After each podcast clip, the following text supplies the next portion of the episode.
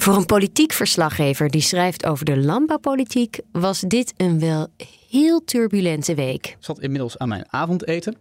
En toen, uh, nou, ik had het op. En toen werd ik, keek ik op mijn telefoon, gemiste oproepen. Uh, dus ik, onder andere van mijn chef, dus die belde ik terug. En die zei van, heb je de tweet van uh, minister Staghouwer gezien? Terwijl een groot deel van Nederland nog rustig opstartte na een lange zomervakantie, moest politiek verslaggever Bas Knoop meteen aan de bak. Op het Binnenhof was de prangende vraag wat er moet gebeuren om de landbouw minder stikstof uit te laten stoten deze week terug van nooit weg geweest. De strenge eisen waar boeren vanaf 2030 aan moeten voldoen liggen al maanden op tafel. Hun woedende protesten daartegen kunnen niemand zijn ontgaan. Ze willen perspectief en dat is ze ook beloofd. Het kabinet trok er een kleine 25 miljard euro voor uit. Maar de vraag hoe dat torenhoge bedrag besteed moet worden, is steeds moeilijker te beantwoorden. Bas neemt je mee in zijn week en probeert de vraag te beantwoorden of het in Den Haag nog gaat lukken om perspectief te vinden voor de boeren.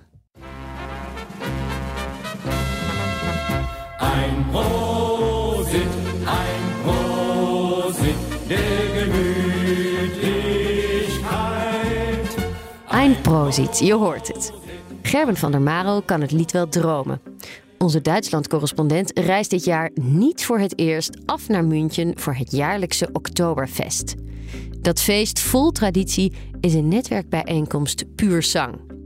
Hoe je zaken kunt doen in een mega grote tent aan ellenlange tafels waar bier per liter wordt geschonken en een hoepapa-band nooit ophoudt met spelen, dat hoor je straks.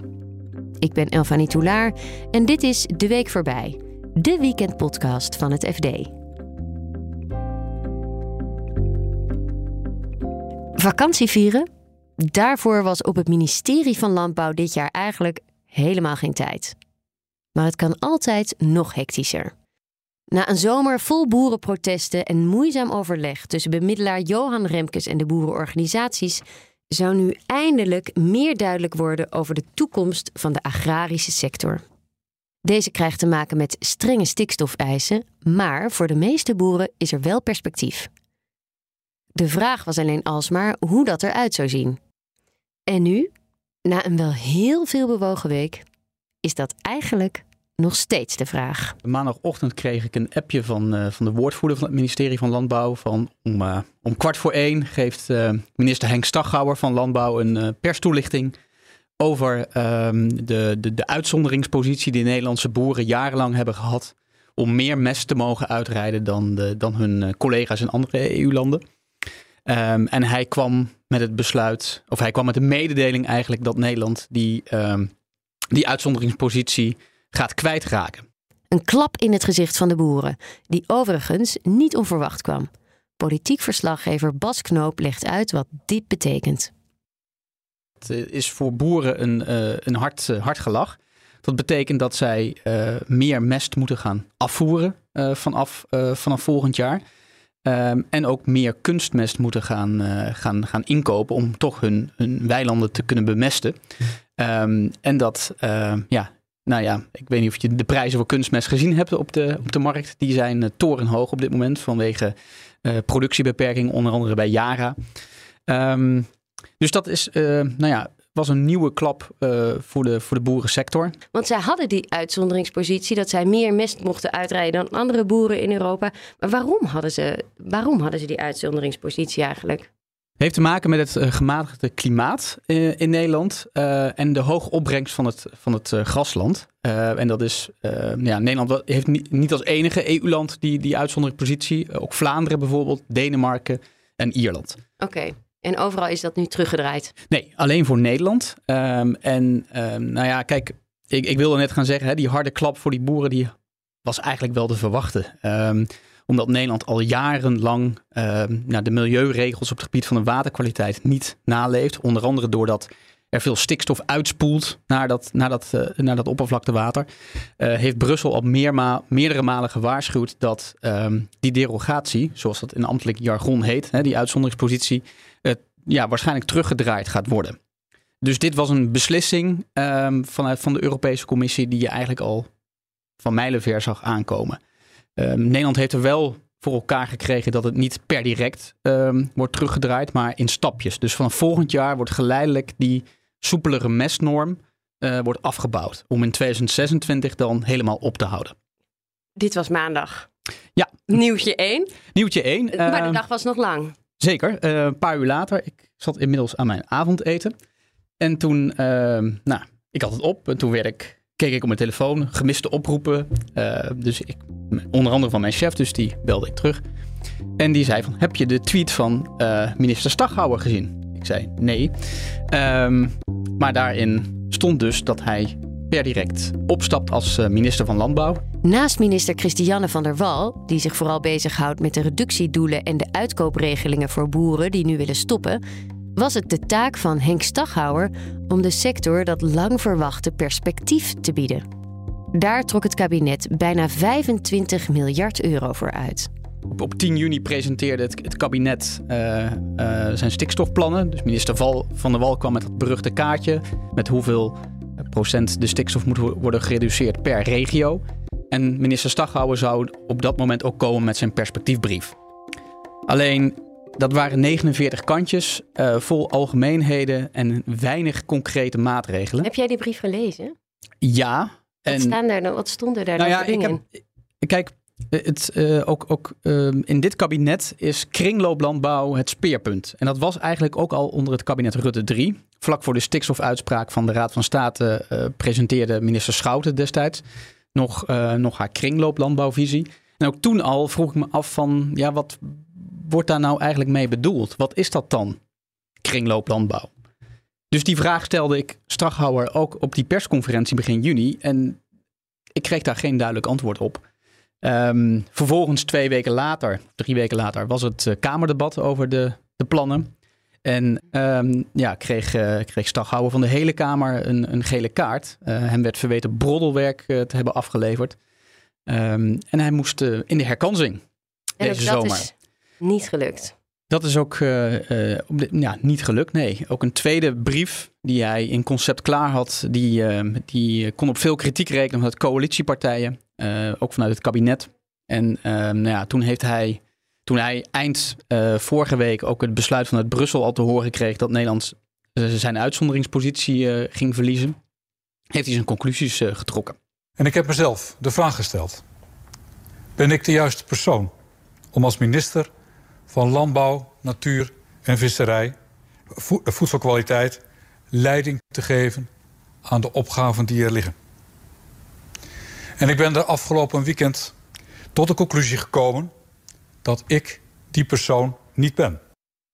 Het is denk ik een optelsom. En, en, en je zag hem ook echt, echt worstelen. Um, en, en, nou ja, we, spreken natuurlijk ook mensen op achtergrond wel. En dan hoor je dat hij ook um, nou ja, van, van zijn ambtenaren, dat daar toch, toch ook weinig uh, beweging is om, om grote veranderingen aan te kondigen in de landbouw, om te verduurzamen, om te veranderen. Er is veel ehm, kritiek op dat ambtenarenapparaat, hè? Ja, ja en er wordt gesproken over ouderwetse ambtenaren die, die geen, uh, ja, geen zin hebben eigenlijk om te veranderen. En daartegenover staan een coalitie die ook verdeeld is over, uh, over stikstof. Hè. D66, daar kan het niet snel genoeg voor gaan. Terwijl CDA en VVD natuurlijk te maken hebben met, met een, een boerenachterban die zij ook tevreden moeten houden. Die veel kritiek heeft op, uh, op die stikstofplannen. Um, dus hij werd eigenlijk van, van alle kanten op de vingers uh, gekeken. En durfde daarbij zelf geen duidelijke keuzes te maken. Hij had zelf ook niet een, een visie van waar het nou naartoe zou moeten. Nee, een stuurloos schip. Ja, en daarmee kun je zeggen dat uh, uh, ja, er toch acht maanden verspeeld zijn. Uh, terwijl voor boeren uh, en ook provinciebestuurders dat perspectief juist heel belangrijk is om uh, ja, enigszins draagvlak te kunnen creëren voor het halen van die ambitieuze stikstofdoelen. Ja. Dat is, dat is, de provincies zijn belast met die uitvoering van de, van, de, van de stikstofplannen. Voor boeren, die willen best verduurzamen, maar ja, zij stellen het kabinet iedere keer de vraag: oké, maar hoe kan ik dan met minder vee toch een goede boterham verdienen? Ja. En dat antwoord, dat is er nog steeds niet dit is niet de meest glorieuze week voor de boeren in Nederland en voor de politici op landbouw en de, en de ambtenaren op dit ministerie ooit. Um, maar de week was nog steeds niet voorbij. Nee, want toen kwam um, op op woensdag de Raad van State met een, een uitspraak. Um, waarin, geconcludeerd, waarin de Raad concludeerde dat ja, de, de zogeheten emissiearme stallen niet doen wat ze zeggen en wat ze beloven te doen. Goedenavond. Nog meer onzekerheid voor melkveehouders. De Raad van State haalt een streep door de vergunningen van drie veehouders met een emissiearme stal. dus dat de milieuwinst van, uh, van die emissiearme vloeren uh, in de praktijk toch vaak uh, ja, veel lager is dan, dan de theorie voorspelt. Um, daarom, het was een zaak aangespannen door een milieuorganisatie van Johan Vollebroek. Ehm, die kennen de meeste mensen wel als ook degene die uh, voor elkaar kreeg dat het in 2019 het hele stikstofbeleid naar de, naar de prullenbak werd verwezen door de Raad van State.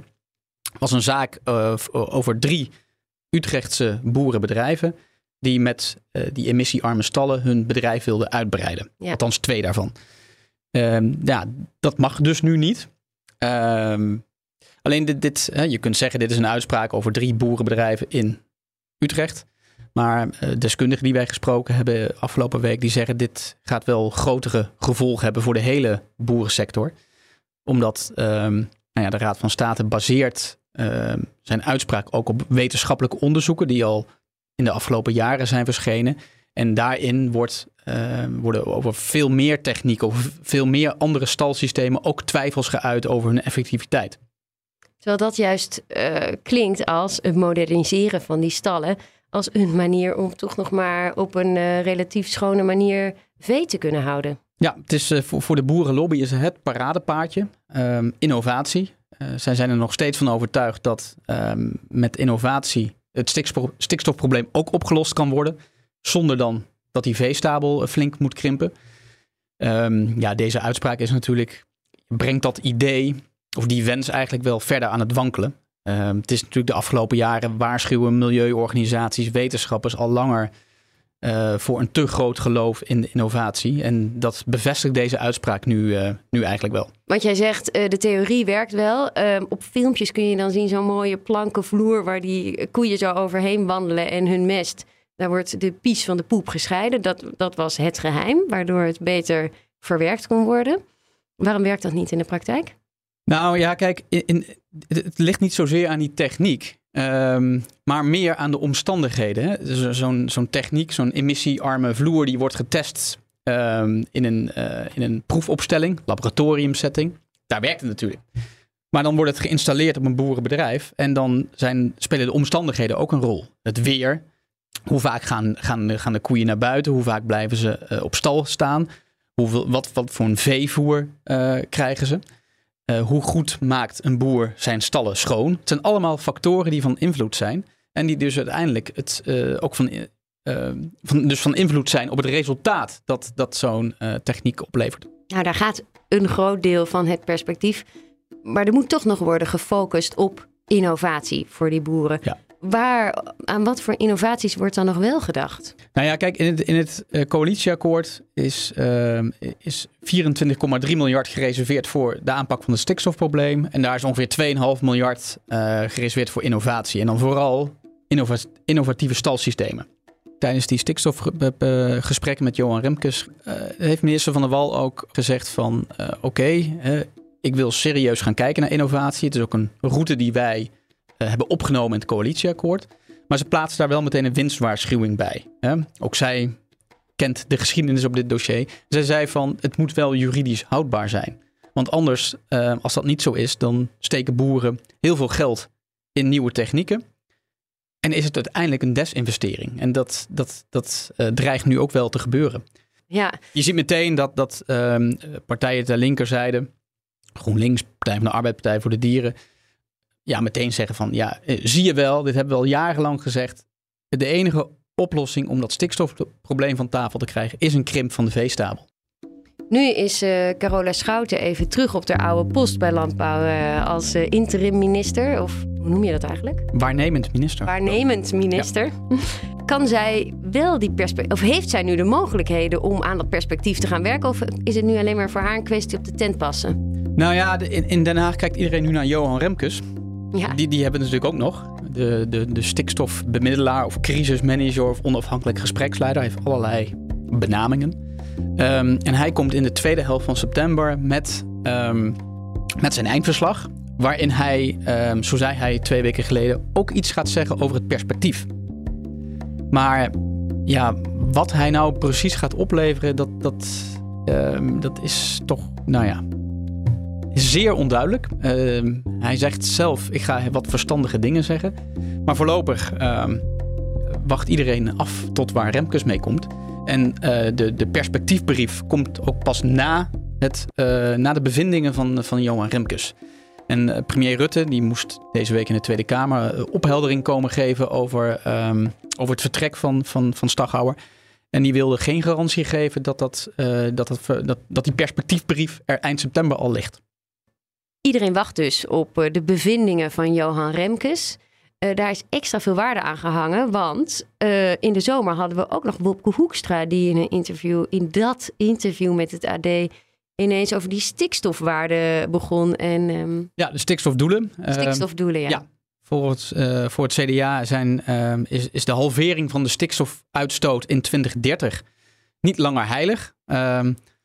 Hij zei in dat interview van, nou ja, um, als we dat wat later halen in sommige gebieden, dan moet dat ook kunnen. Om, zo het draagvlak en de rust in de samenleving weer, weer terug te brengen. Um, daar was natuurlijk veel gedoe over, veel woede over op de manier waarop hij, waarop hij het ook deed. Niet eerst intern aankondigen, maar direct dat via de krant, uh, krant spelen. Um, toen is er een soort bezweringsformule gevonden binnen kabinet en coalitie. Um, en die luidde: we wachten Johan Remkes eerst af, waar hij mee komt. Daarna, pas daarna gaan we dus verder kijken. Nou ja, op dat moment, hè, Johan Remkes was aangesteld officieel als onafhankelijk gespreksleider. Maar er komt nu een hele zware politieke dimensie aan zijn advies te hangen. Dus dat, dat komt straks ook nog terug. Hè, van wat, wat gaat het kabinet dan besluiten? En in een, uh, in een spoeddebat tijdens het zomerreces um, ja, zei premier Rutte, zei Hoekstra van we, het kabinet staat achter het coalitieakkoord, waar dat doel dus in is opgenomen. Maar we hebben ook het interview van Wopke Hoekstra. En dat schuurt weer met het coalitieakkoord. Maar we wachten nu eerst Johan Remkes af. Dat werd door Rutte en Hoekstra vier, vijf keer verteld. In antwoorden op, op kritische Kamervragen natuurlijk. Dus ook daar zal nog, ja, dat, dat gaat ook nog tot discussie leiden. Jij volgt dit allemaal vanuit de politiek Den Haag. Uh, je zei al van, van het ontbijt tot het avondeten, appjes met, met ja, toch wel breaking news continu. Hoe hou jij het oog op de bal als het om dit dossier gaat? Waar let je op? Nou ja, er wordt heel veel, um, er is heel veel ruis in dit dossier. Er wordt heel veel desinformatie ook verspreid door allerlei partijen die hun, hun belangen voor hun belangen willen opkomen. Je moet eigenlijk gewoon kijken naar, heel simpel, gewoon de feiten. Dus gewoon een uitspraak van de Raad van State, een beslissing van de Europese Commissie. Um, en dat zijn gewoon de harde feiten. En op basis daarvan uh, moet je mensen gaan, gaan, gaan bevragen. Ein Prozit of zo, dat nummer noem je als ein Prosit, ein Prosit der Gemütlichkeit. Ja, die moet, je, die moet je erin zetten hoor. Ein Prosit, ein Prosit der Ja, het is niet elke dag dat Duitsland-correspondent Gerben van der Marel in zingen uitbarst als je hem naar iets vraagt. Maar het woord Oktoberfest lokte dat wel bij hem uit. Het grote bierfestijn dat elk jaar in september in München plaatsvindt. Het is oorspronkelijk uh, al, al meer dan 200 jaar geleden ontstaan als een, als een, eh, een, eigenlijk ter viering van een, eh, van een, een koninklijk huwelijk, moet ik zeggen. In Beieren. En dat was oorspronkelijk waren dat paardenracen en races. En langzaamaan is die bierconsumptie is er, is er, is er, is erbij gekomen. En dat viel bij uh, burgers heel erg in de smaak. Die wilden het dus jaarlijks graag terug hebben. Uh, en zo zijn er langzaamaan een aantal tradities gegroeid eigenlijk. In alle eerlijkheid moet je dat ook zeggen. Mm -hmm. uh, en dat is inderdaad die bierconsumptie in grote tenten. Maar het vond allemaal altijd plaats op dezelfde plek. En dat is eigenlijk no nooit meer verdwenen. Hè? Dus die, die plek op de Theresienwiese in, in, in München, op een, nou, een minuutje of tien lopen vanaf het Centraal Station. Ja. Daar vindt het, eh, vond het de eerste keer plaats en daar vond het eigenlijk alle jaren daarna plaats met een paar jaren uitzondering daar gelaten. Hè. Dan moet je denken aan de oorlogsjaren en andere rampjaren als uh, de coronajaren van de afgelopen twee jaar. Uh, maar nu is het weer zover en uh, mogen die Duitsers mogen weer losgaan, want het gaat, ja, toch over een paar weken gaat het van start. Ik ben er één keer geweest um, uh, en dat was um, uh, de laatste keer, want het is natuurlijk weer corona is het, uh, heeft het een paar keer niet plaatsgevonden, twee keer niet plaatsgevonden. de laatste keer was 2019 mm -hmm. en het vindt altijd in september plaats. En ik was samen met iemand, die een Duitser uit Beieren, en die wilde me dat heel graag laten zien. En toen ben ik naar de tweedehands winkel gegaan in Berlijn en heb mezelf een prachtige lederhoze aangeschaft. Ja. Met sokken erbij en een uh, geblokt overhemd.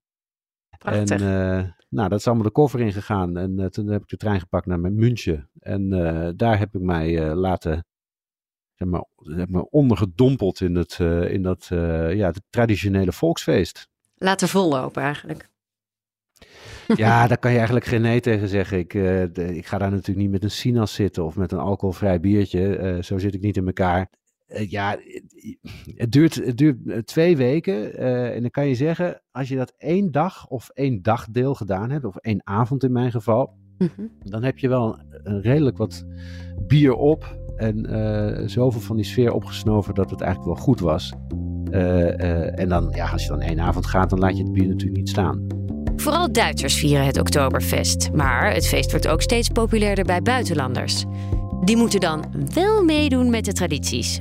Zonder lederhozen of dirndl val je volledig uit de toon. Uitzonderingen daar gelaten natuurlijk. De laatste keer in 2019, want Apple heeft een heel groot kantoor in, uh, in München. Toen was uh, Tim Cook van Apple, de CEO, was er. Nou ja, die liet zich uitnodigen en uh, die kwam in zijn gewone kloffie. Nou ja, hij kan het nog wel veroorloven, zullen we zeggen, om in zijn gewone kloffie te komen. Barack Obama was ook dat jaar in, uh, in, uh, in München en die sprak op een start-up congres en die kreeg vervolgens uiteraard als dank een, een, een ledenhoze.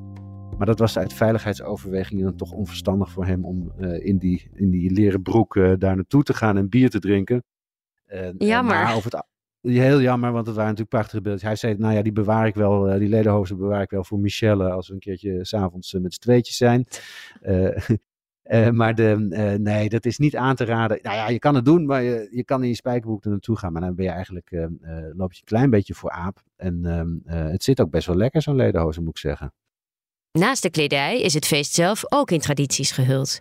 Er zijn veertien kolossale tenten en lang van tevoren reserveer je een kaartje voor een plaats aan een van de lange biertafels die daar staan. Die tenten worden voorzien van bier dat in een van de zes lokale brouwerijen is gebrouwen. Dus alleen lokale brouwerijen, die mogen daar die grote tenten opzetten. Of mogen ze in ieder geval laten managen. En dat is echt een goudmijn. Er wordt er zo ontzettend veel geld verdiend. Hè. Er zijn dus hele ja, ploegen van mensen die eigenlijk het hele jaar alleen dat doen als fulltime baan. Wat? En, uh, dat brouwen voor...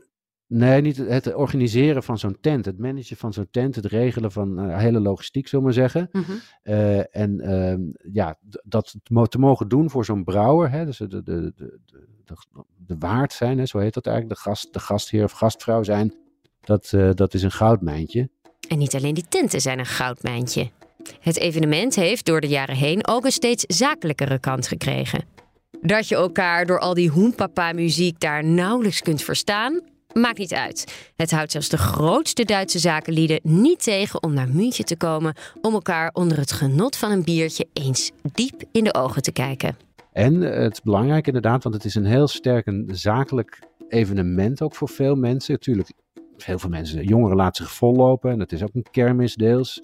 Maar het is ook echt een netwerkbijeenkomst. En um, ik, ik sprak er ook een Nederlandse ondernemer over, uh, die, um, die dat eigenlijk al uh, 25 jaar doet. En die heel veel heel goede contacten heeft in Duitsland en in de, in de autowereld. Uh, en die nodigt altijd, altijd mensen uit. Maar dat is echt voor, voor bedrijven is dat ontzettend belangrijk. En hij vertelde mij dat Duitsers, die natuurlijk hiërarchisch traditioneel zijn en conservatief eigenlijk in het bedrijfsleven helemaal, dat het toch wel iets van, ja, van die terughoudendheid wegvalt als ze naar dat Oktoberfest gaan. En een beetje losser worden, zoals Nederlanders eigenlijk het hele jaar door zijn zei deze ondernemer. Ja. Uh, en, um, uh, dus het is wel echt, ja, moet je denken, Siemens, Allianz, hè, die komen uit die omgeving. Maar ook die Amerikaanse bedrijven, Google en Apple, die hebben vaste tafels. En dat is, uh, ja, dat is dé plek om, om, om gezien te worden. En dan heb je binnen die tent heb je ook een bepaalde hiërarchie. En er is bijvoorbeeld één hele chique tent, Kever heet die. Ja. Uh, ja, en daar kan je gewoon geen tafel krijgen. Die mensen hebben al jaar na jaar zijn alle tafels uh, gereserveerd. En zo schrijven de Duitse media, die tafels, die reserveringen, die worden zelfs voor grof geld doorverkocht. Om daar maar tussen die, die VIP's te kunnen zitten. Dan moet je denken aan voetballers, televisiesterren. Nou ja, die, die meeste Duitse televisiesterren kennen wij natuurlijk niet. Maar toch, uh, dat is dan een plek die uh, ja, heel hoog aangeschreven staat. En um, uh, ja, daar zie je ook de meest dure dirndels en, en lederhozen. Ga je zelf nog dit jaar? Ik ga zelf uh, dit jaar zeker. En uh, dat vindt dan al in de derde week van september plaats. En Paul Laner is een van de Dat was hem voor deze week. Dankjewel voor het luisteren. Volgende week hoor je over Prinsjesdag. Een van de allerbelangrijkste dagen in het politieke jaar. Wij nemen je mee voor een kijkje achter de schermen. En we werken aan een aflevering over de naderende recessie. En daar hebben we jouw input voor nodig. Ben je op zoek naar antwoorden over de economische staat van ons land? Mail je vraag dan naar podcast.fd.nl. Als je deze podcast leuk vindt, abonneer je dan vooral. Dat kun je doen door te zoeken op FD de Week voorbij, waar je dan een podcast luistert. En delen met je vrienden. Dat helpt ons weer om beter gevonden te worden. De redactie van deze podcast is in handen van Yildau Bijboer. En de muziek komt van Visionair Ordinaire. Een heel fijn weekend en tot volgende week.